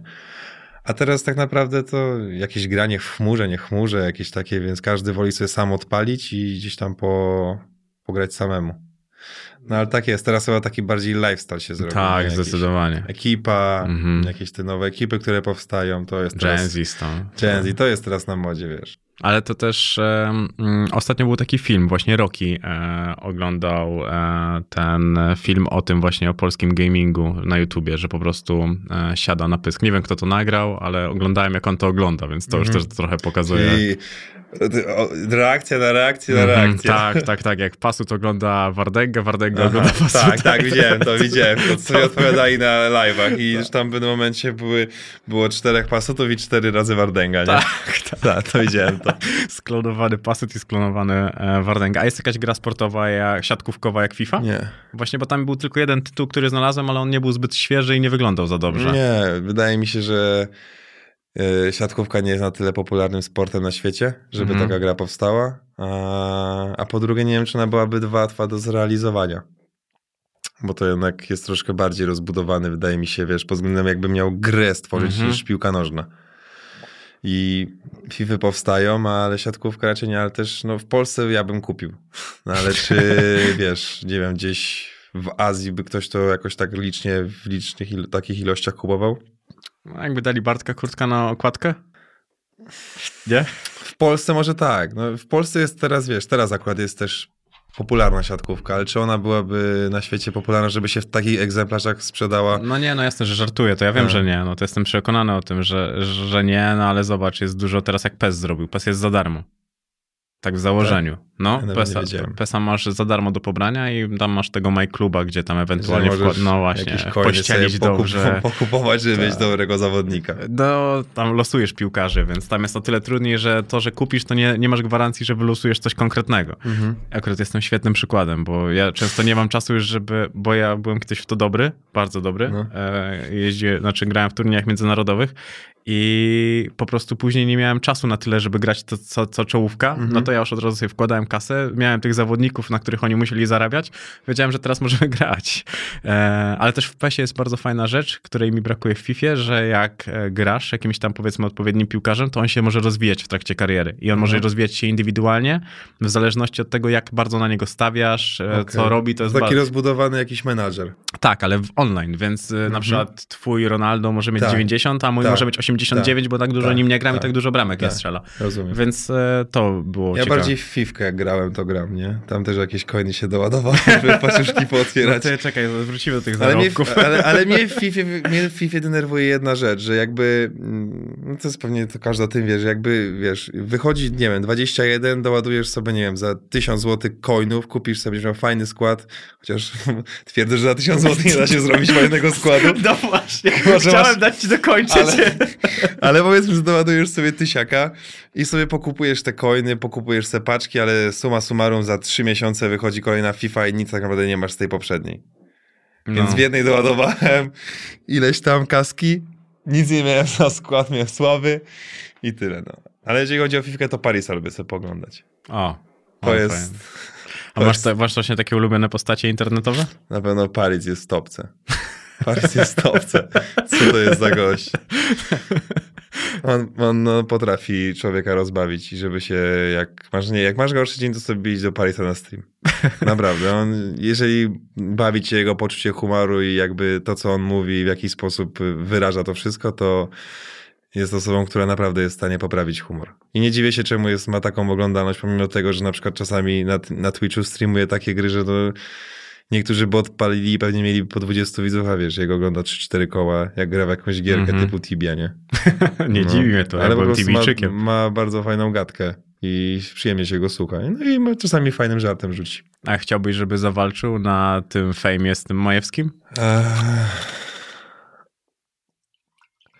Znaczy ja bym pewnie to z chęcią zobaczył, ale czy mi się wydaje, że to się nigdy nie stanie. Znaczy, to ja też jestem przekonany, że to się nigdy nie stanie. On, wydaje mi się nie jest jakimś gościem, który jest takim materialistą i choćby mu zapłacili dużo, to się na to zgodzi. Raczej on lubi, tak jak on się gdzieś tam jakieś wypowiedzi jego słucha, no to zakątek, swój dom, Mhm. swoje biurko, swój komputer i wydaje mi się, że to się nigdy nie zdarzy, ale jakby taka walka była, to na pewno bym pay-per-view kupił, żeby to zobaczyć.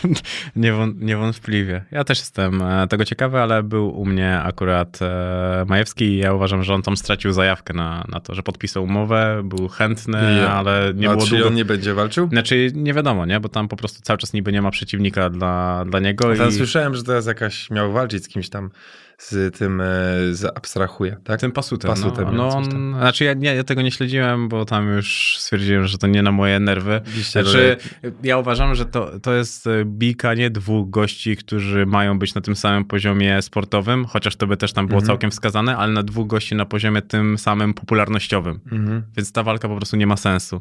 mhm. Tak uczciwie z mojej perspektywy. A walka z Parisem to jest nie, walka. No to jakby, no to jest, oni tam mieli jakiś, jakiś konflikt, mieli gdzieś tam konflikt, się tak. troszkę pstrykali w internecie po nosach.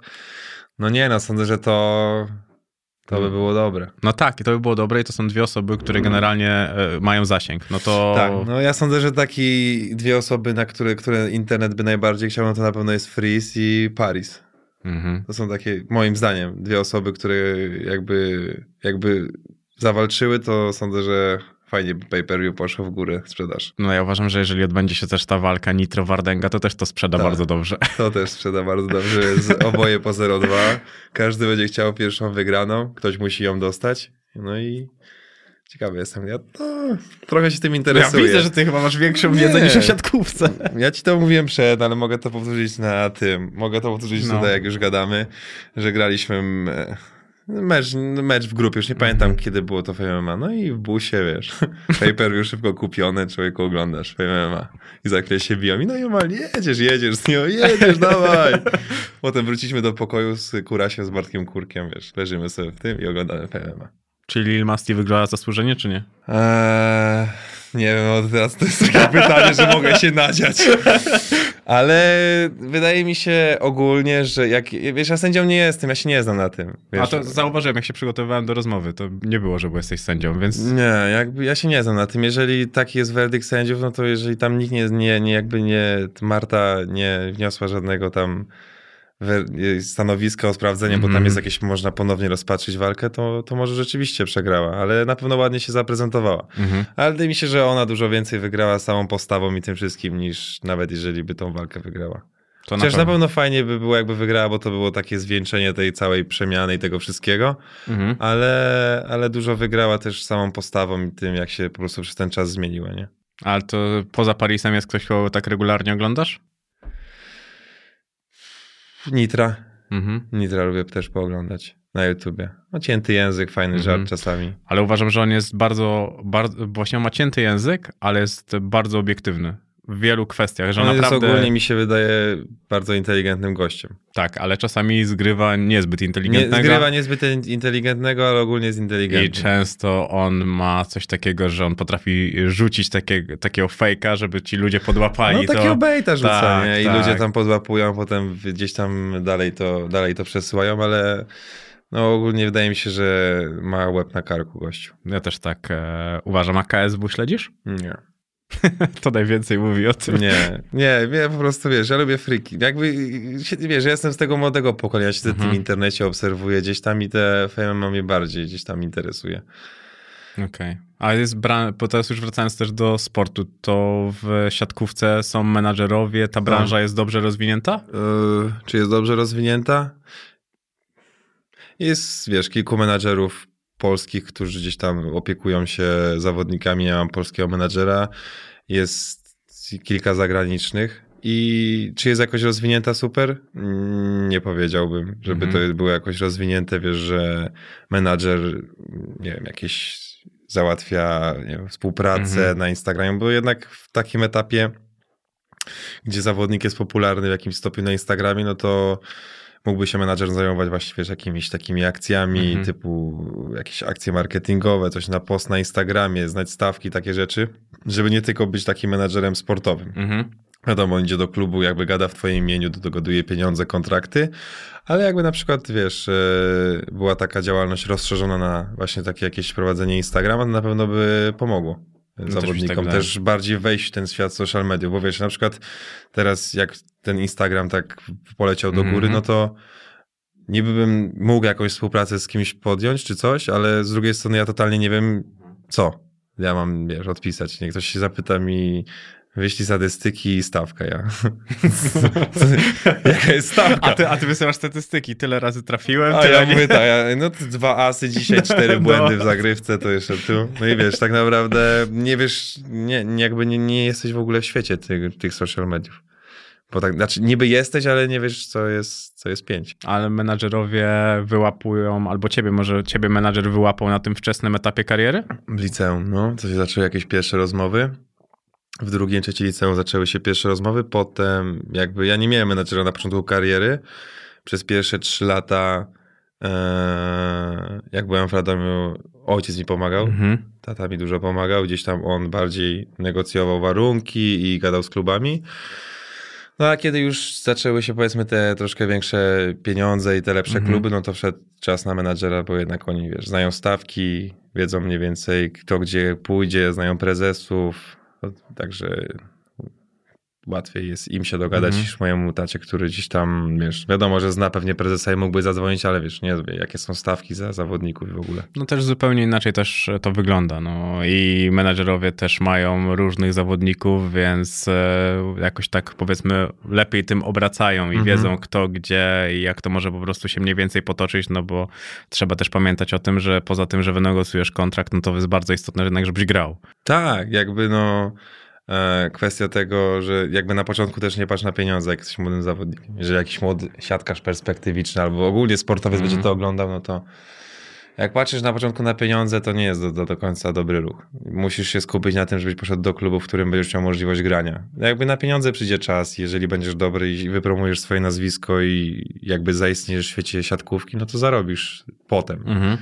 A czy ty w swoim pierwszym kontrakcie dostaniesz 8 tysięcy miesięcznie czy 12, to potem na przestrzeni tego, ile będziesz mógł, jak dobrze wybierzesz klub zarabiać, to wydaje mi się, że lepiej na początku odpuścić, a potem przyjdzie czas na pieniądze. Więc na Mhm. początku lepiej się skupić na tym, żeby iść do dobrego trenera, który ci za umożliwi granie. Okej. A jak jest u ciebie z muzyką? Jak chcesz, mogę ci pokazać mojego Spotify'a. Wszystko się tu znajduje. No jestem ciekawy. Jak nie ma tam moich podcastów, to nie musisz pokazywać. Nie, ale y, no wszystkiego słucham. Jakby co, co, mi, co mi wpadnie w ucho. Najbardziej lubię amerykański rap, No to, to wiem. także gdzieś tam taki luz. Ogólnie taki podoba mi, lubię taki klimat amerykański, taki luz, wiesz. Mhm. Tutaj się ten... Nie chcę, nie chcę że się, wiesz, chodzę i bujam po mieście, ale Już wiesz, każdy to zrozumiał. Lubię taki amerykański, luźny, luźny styl i gdzieś Mhm. ta, ta muzyka mi pasuje. Nie za bardzo lubię disco polo. Nie jestem fanem jakby polskiej, polskiego disco polo, Mhm. jakby no nie mój klimat. A to teraz rap polski się ociera trochę od disco polo. No dlatego jakby ja też za bardzo rapu, jakby nigdy nie byłem fanem polskiego rapu.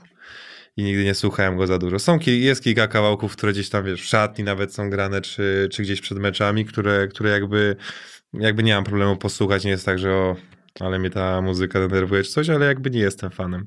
A to co leci w szatni z polskiego rapu? Mm, ostatnio często lat, leciał ten e, Midas. Od Sentino. No, leciał dużo. Myślałem, że jeszcze Ale odkąd, się, ale odkąd się pokłócił z Nizem, przestałem go słuchać. nie, żartuję. Nie, ty nie żartujesz. Nie, nie, jak, ja- jakby ja, ja nigdy nie byłem, e, nie, nie byłem fanem tak, ani nawet Sen- Sentino, no, żadnego jakiegoś tam powiedzmy rapera, który, który jest powiedzmy z Polski. Albo rapuje po polsku. A wiem, że chłopaki czasami, czasami coś puszczą. Ja nawet ci nie powtórzę tytułu, bo sądzę, że ty byś na pewno to znał i to jest na pewno jakiś hit polski, ale ja nawet tytułu nie znam. No A. Midasa, Midasa zapamiętałem, no bo jednak o, ta piosenka, o tej piosence było naprawdę bardzo głośno, nie? To prawda. To jest, to, jest, to jest ciekawy wątek, jeżeli chodzi o to. Szczególnie, że jak żyjesz tak e, dookoła tego internetu, no to Mm. tam łatwo na coś trafić, nie? No. Tak. Wiesz, masz... Tak, no ja nigdy, wiesz, nie, nie, nie włą... dobra, o, nie wiem, Soku jest, na Soku znam takiego Mhm. rapera, na przykład Soku jest i o, co on wypuścił i sobie tak, nie wiem, słucham, było fajne. Jak nie znam się w ogóle na Mhm. tym, jakby nie jestem w stanie ocenić, No to- czy jakiś kawałek jest dobry, czy nie. No to jak dorastałeś, no to w ogóle muzyka nie była ważna w twoim życiu? Eee, nie, no, nie było ważne. Czyli faktycznie tam taki był fokus na ten No. sport, bo i, inaczej to ciężko sobie wytłumaczyć. Jakby, no, jak, nigdy nie przywiązywałem jakiejś takiej mocnej uwagi do muzyki. Wiesz, jakieś Red Hot Chili Peppers słuchałem. No to fajne. Takie Fajna wiesz. muza. Mnie to tam jakiś YouTube, Red Hot Chili Peppers, takie, takie rzeczy. Fajne Mhm. to było. Jakby ja. mm, Nie, muzyka nie była jakaś taka bardzo ważna w moim życiu młodzieńczym, powiedzmy. No to taka muzyka pod taniec. Potrafisz tańczyć? A, to zależy kiedy, wiesz. Jak już jest im później impreza, Trzeźwy. im później impreza, tym mam lepsze ruchy. Nie, jakby mam wrażenie, że jak jestem, że jak jestem, wiesz, na parkiecie i powiedzmy nie wypiłem sobie dwóch, trzech piwek, to mam wrażenie, że każdy się na mnie patrzy, ja się ruszam jak idiota. także także p- powiedzmy, że nie jestem raczej tych, z, ty, z tych osób, które gdzieś tam lubią tańczyć bardzo dużo. A interesujesz się czymś e, poza internetem, no i powiedzmy sportem? Mm. Tak, żebym był coś w 100% zaangażowany, nie, no, to w nie. 100% to wiadomo, że nie. No, Ale- Gdzie tam czas znaleźć na twoim życiu? Motoryzację lubię. Lubię motoryzację. Na przykład sobie oglądać jakiś autach, jakie nowe wypuszczy, jaki jakiś nowy wyjdzie, jak Mhm. wygląda tutaj to, jakieś BMW, jakieś Audi, pooglądam o tym. O, to masz jakieś wymarzone auto? Eee, takiego było, chciałem zawsze mi się Lambo podobało. Mhm. Wiesz, Lambo, Lambo, Lambo, ale jakby miałem okazję się przejechać z, znajomym z mojego, jakby z mojej drużyny w klubie, e, z klubu wi- znajomy w drużynie. Mhm. E, miał Lambo przez chwilę, bo wynajął od znajomego. I no to nie jest auto na pewno dla dwumetrowego gościa. No wiesz, tam siedzisz tak, siedziałem. No kwestia jakie, no bo jest to duże Lambo, które mi się bardzo podoba, no to będę... A mówisz o tym Urusie? Mhm. Uru, Urus? Urus? Tak, tak. Mm, no, no, ładne. No właśnie. No ale wiesz, Dla dwumetrowego gościa. trzeba leasing by było płacić dużo Czekaj, miesięcznie. czekaj, bo to jest tak, jak to było, że... A, uznanym siatkarzem. To trzeba się do uznanego... Nie, no ale wiesz, jakby no uznany siatkarz, ale musisz gdzieś te e, pieniądze w miarę mądrze przez... I ale to jest też jakby temat, który poruszać na początku, że albo się bawisz życiem przez 13 Mhm. czy tam 15 lat kariery, albo jest z głową to robione, nie? Bo Dlatego jakby naj... nie, mam, nie miałbym z tym problemu, żeby iść sobie, nie wiem, i wziąć Urusa w, w leasing. No tylko, że wiesz, tylko fajnie by było jeszcze mi za co mieszkanie opłacić. A nie tylko, albo, Bagażnik jest duży. albo zalać ten samochód, wiesz. Nie, nie 95 albo gaz tam montować, tylko żeby zalać setkę i pojeździć normalnie, nie? Jakby z tym nie byłoby problemu, jakby sądzę, że e, byłbym w stanie u- Urusa leasing udźwignąć finansowo, ale no to chodzi o takie raczej mądre podejście, nie? Żeby w jakiś sposób bardziej zainwestować te pieniądze, plus mieć na pewno jakieś korzyści, no bo trzeba, uważam, z życia korzystać, Mhm. bo jest jakby jak, jakby cały czas mam takie podejście, że nie można za bardzo i też trzeba jakby szanować to, ten, ten pieniądz i jakby mądrze nim dysponować. Ale w sumie jesteśmy w takim wieku, ja jestem w takim wieku, że. Ja jestem no, niewiele starszy. no ale wiesz, no to, no to powiedzmy, że jesteśmy w takim wieku, że jakby nie chodzi o to, żeby iść i na imprezie wydawać po kilkanaście, kilkadziesiąt tysięcy, ale żeby korzystać z tego życia, nie? Jeżeli, nie wiem, masz możliwość jeżdżenia fajnym samochodem, no to sobie ten samochód jakby sprawdzić taki prezent. W końcu ciężko na to pracujesz przez x lat codziennie, idąc na treningi, jakby pracujesz, żeby, żeby, żeby to mieć, bo to też jest praca. Mhm. Więc jakby czemu by sobie nie sprawić przyjemności, nie wiem, jakimś fajnym samochodem, czy, czy nie wiem, jakimś, nie wiem, nowym komputerem, który wyszedł, albo PlayStation, albo cokolwiek, wiesz, na co masz ochotę. No, korzystaj z tego życia, ale mądrze. Komputery teraz też są zajebiście drogie. No są. Pewnie przez to, że wiesz, Te koparki, karty, karty, koparki. no właśnie, te karty graficzne to... No. Jak ja, ja jakoś e, komputer kupowałem 3 lata temu, też był taki okres, że te koparki mocno tam, mocno powiedzmy działały, no to Mhm. te karty graficzne naprawdę są wysokie ceny tych kart. To straszne co No. w ogóle. No ale no, krypto, jakby to jest taki etap teraz, że te kryptowaluty są takie popularne. Mhm, tak, no Artur Boruc był też u mnie, on powiedział, że on więcej zarobił poza piłką niż w piłce. I tam raczej głównie w kryptowalutach. No ja wiem, że była taka sytuacja, mm, można powiedzieć, znajomy z pracy mi opowiadał, Mhm. że był kilka lat temu, przyszedł do nich e, na zgrupowaniu, to nie jest w polskiej reprezentacji, Mhm. tylko, no nieważne w jakiej, No. ale przyszedł na, na zgrupowaniu tam jakiś doradca a propos właśnie kryptowalut i powiedział im, żeby kupili bitcoina. To było w 2014 roku chyba. I wiesz, tam część chłopaków kupiło jednego, część kupiło kilka i wiesz...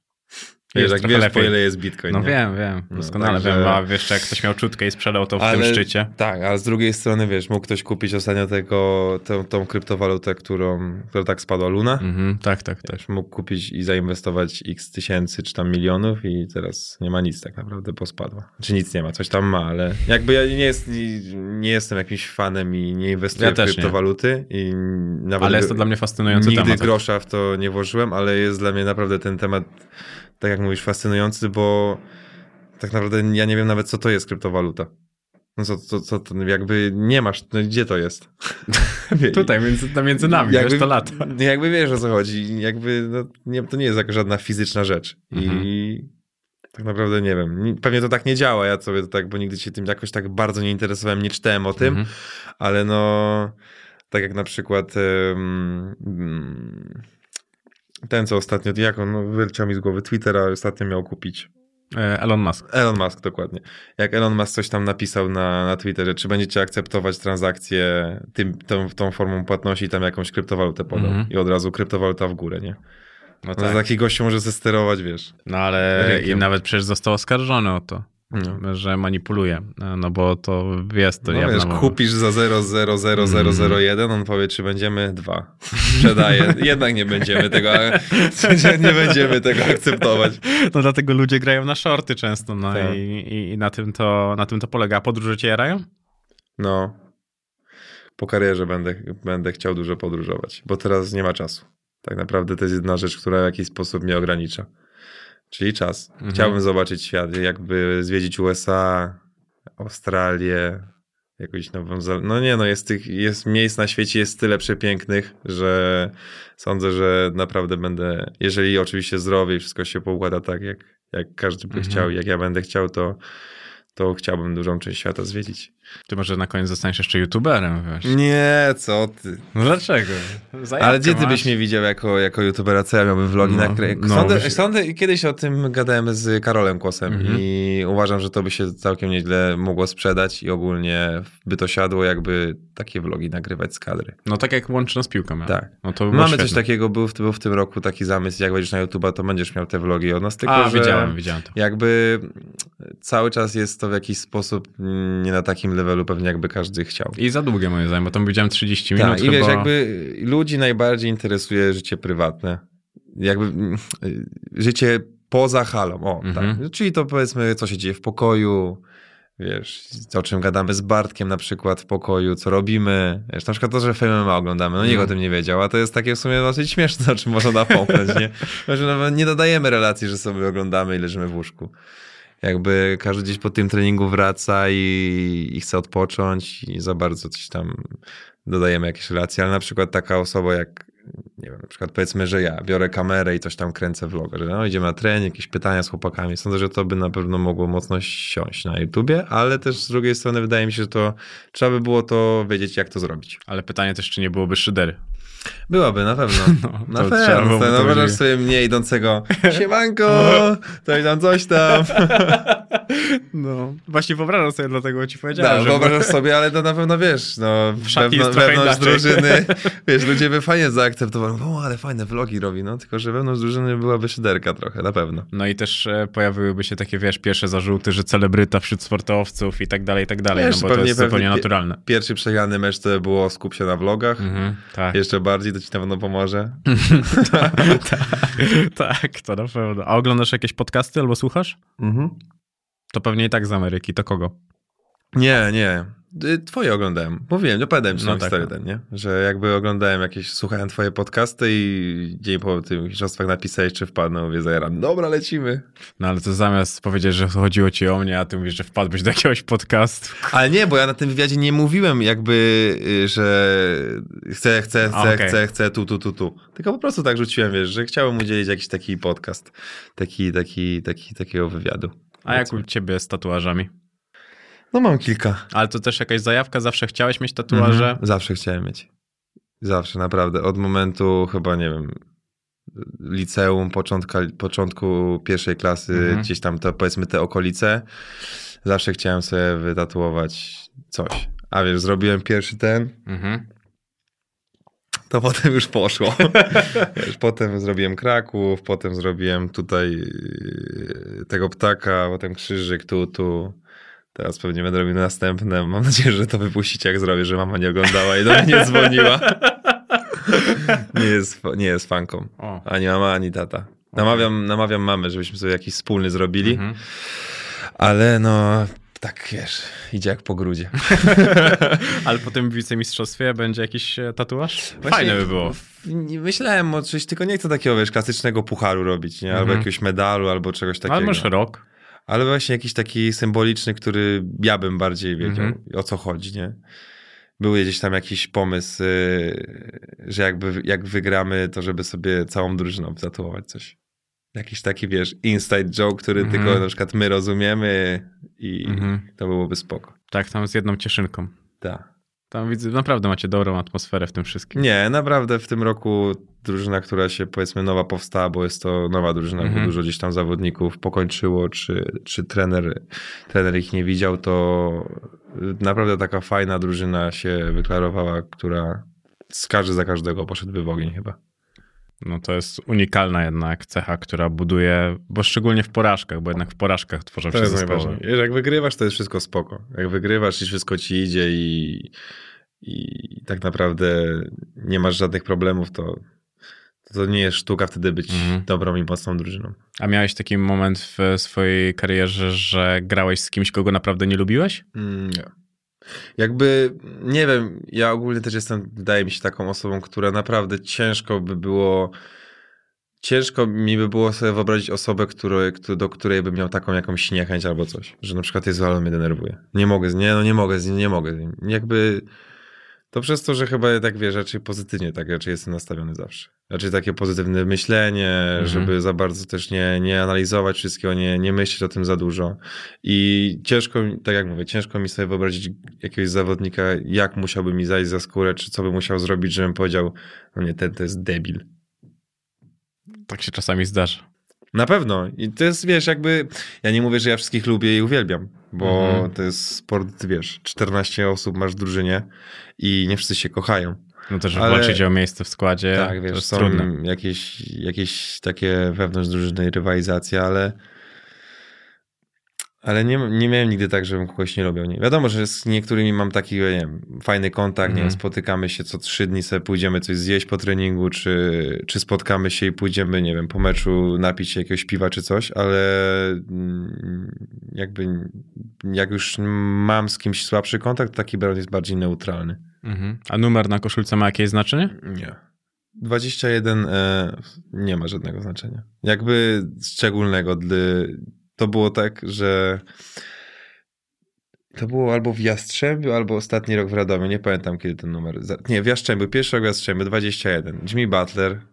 Gdzieś tam, nie wiem, nie wiem w ogóle jak to się stało, Mhm. ale gdzieś tam Jimmy Butler, Jimmy Butler 21, wiesz, rzucałem do kosza i Jimmy Butler, Jimmy Butler. I mówię, dobra, bierzemy 21. Czyli jakieś znaczenie ma. Czyli jakieś ma, ale nie jest to nic takiego, wiesz, yy, typu jakaś, nie wiem, szczęśliwa liczba czy coś takiego. 21, potem było tak, że ja co sezon zmieniałem w Radomiu numer. Było chyba 17, 19 i mówię gdzieś tam e, chyba do mamy, mówię, no zmienię chyba sobie numer na przyszły rok. No nie, nie, nie, nie zmieniaj, dobry sezon zagrałeś, to nie zmieniaj. No i tak wiesz. Potem przez, przypa- przez przypadek, bo w kadrze nie pytali się mnie, jaki chcę numer, jak wchodziłem i po Mhm. prostu dostałem 21, no i tak już 21 jest i sądzę, że Tak będzie. co dwa skakałeś, 17, 19, Tak. 21. I sądzę, że tak już będzie do końca, że zostanę z tą 21. A to też fajnie, nie? że taka przynależność do tego Tak, wszystkiego. numer. Możesz budować swoją historię. Bardzo dużo zawodników gdzieś tam się przywiązuje. Najczęstsze są chyba dziewiątki, szóstki. Są takie, są takie numery, które są dyszki, są jeszcze Mhm. popularne i gdzieś te zawodnicy jeżeli są, się przywiązują. Słyszałem nawet historię jedną, że raz e, do drużyny przyszedł, e, przyszedł jeden zawodnik i powiedział, że ile chcesz za numer? Czy tam na przykład, nie wiem, a ten mu powiedział coś tam, 10 koła euro. Dobra, to zagram z innym.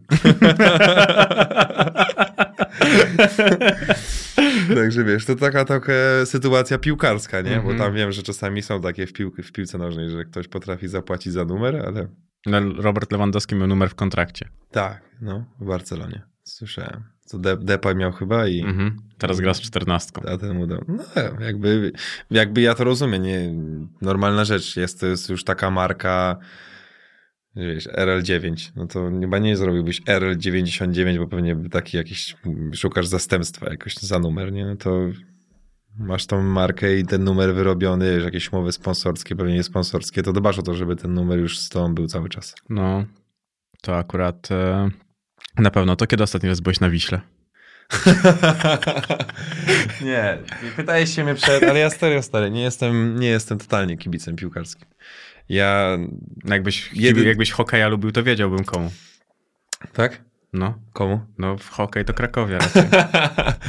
Nie, jakby y, jedyny mecz chyba piłki nożnej, jaki ja oglądam, to jest finał Ligi Mistrzów mhm, to tam nie gra Wisła? y, i reprezentacja gra jakiś, jakiś mecz taki powiedzmy ważny i akurat mam chwilę czasu, żeby zobaczyć. A tak to, to ja z piłki nożnej naprawdę, naprawdę jestem totalnie zielony. Jakbyś mnie zapytał, żebym wymienił jednego zawodnika z Wisły i z Krakowi, to mnie wymienił. Ale Znaczy Wisła teraz gra w pierwszej lidze, jak coś, czyli spadła z To wiem, znaczy to akurat słyszałem, bo o tym było w mediach, gdzieś tam na Facebooku, wiesz, z automatu przeskrolujesz jakąś wiadomość. Ale tak, żebym ci jakiegoś zawodnika wymienił, to nie za bardzo, też tak się nie interesuje. To na koniec oglądasz jakieś seriale w tym twoim ciężkim życiu? Mm, ciężkim życiu. E, zdarzy się, zdarzy się jakiś serial zobaczyć, ale jakoś ostatnio troszkę mniej. Ale to co oglądałeś tak, że naprawdę ci się podobało? Nie musisz Breaking- mówić ostatnio. Breaking Bad. No tak, o narkotykach.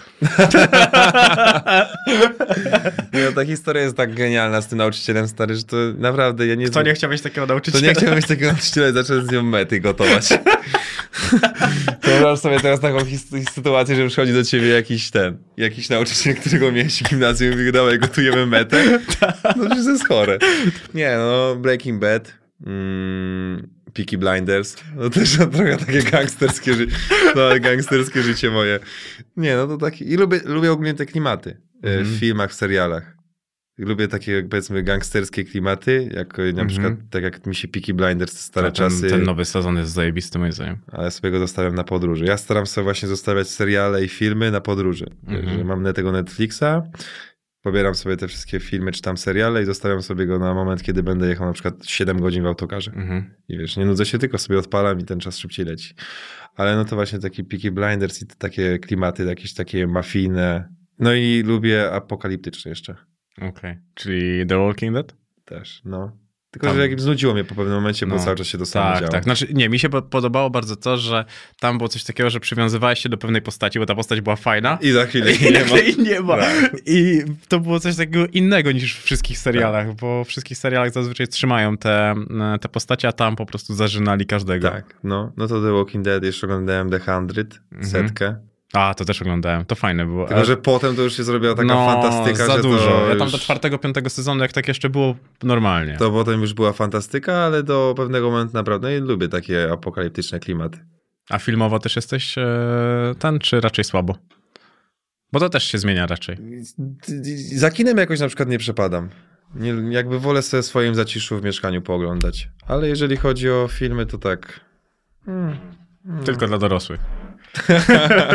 No sami, no. Wszystko jest dla ludzi.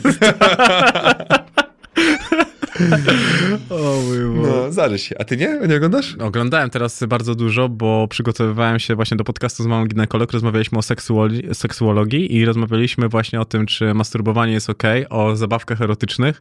Mm, I co? Jest okej czy nie? Jest ok, możesz być spokojny, nie musisz się martwić. I zabawki erotyczne też są dla mężczyzn. O, Tak. tak. nawet nie wiedziałem. Znaczy, wiesz, jesteś singlem, więc e, myślę, że po tym podcaście to się posypią. E, Myślisz, że jakieś propozycje dostanę? Ja, ja, ja, ten, ja ten fragment od Odzie wyślę. Ona zresztą była u mnie na Ale, podcaście. ale, ale ja, ja to, to był mimowolny taki, wiesz, taki luźny żarcik rzucony. A ona Jak- ostatnio mówiła, że wolałaby młodszego. Nie, ja nie, ja tu, ty jakąś deklarację próbujesz uzyskać ode mnie. Nie, żadnej deklaracji. Nie, ale wiesz, to był jakiś tam y, mm, jakiś żarcik taki, taki puszczony i wiem, że podobno tam gdzieś znajomy mi napisał, że w Radiu Z y, udzieliła odpowiedzi i powiedziała, że żebym zadzwonił do niej i ją zaprosił na mecz, a nie przez media to robił. No No, widzisz? po turnieju, więc raczej nie będzie okazji. No, Chyba, ale- że jest na ligowy, może do niej zadzwonię, ale nie wiem, czy do Jastrzębia. No jak wyślesz helikopter, kurde no, chcesz królową, to traktuj jak królową. A, zobaczymy, jak to będzie. W złym kierunku idzie ta rozmowa. Nie, Ona idzie w doskonałym, szczerze powiedziawszy, godzina 25 i dopiero zaczęliśmy rozmawiać. Nie, czyli na ten moment, na ten moment czeka jest cały podcast, dobra. Ciach. Świetnie było cię e, poznać. Bardzo ci dziękuję. Dziękuję za zaproszenie. Naprawdę wyszła nam całkiem fajna rozmowa. Tak? No, to No. mam nadzieję, że, że się nie jąkałem i że, i że całkiem fajnie się to Nie, słuchało. wypowiadałeś się dużo lepiej niż bardzo duża część aktorów, co jest... E, No to dobrze, to się cieszę. I ja dziękuję za zaproszenie.